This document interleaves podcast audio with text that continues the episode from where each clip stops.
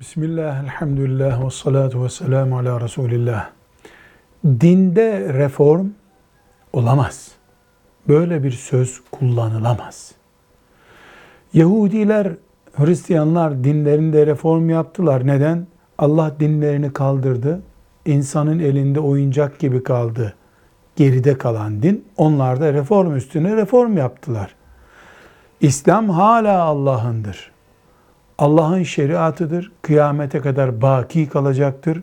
Hiçbir şekilde dinde reform olamaz. Camilerin şekli değişir. Kubbeliydi, çatılı olur.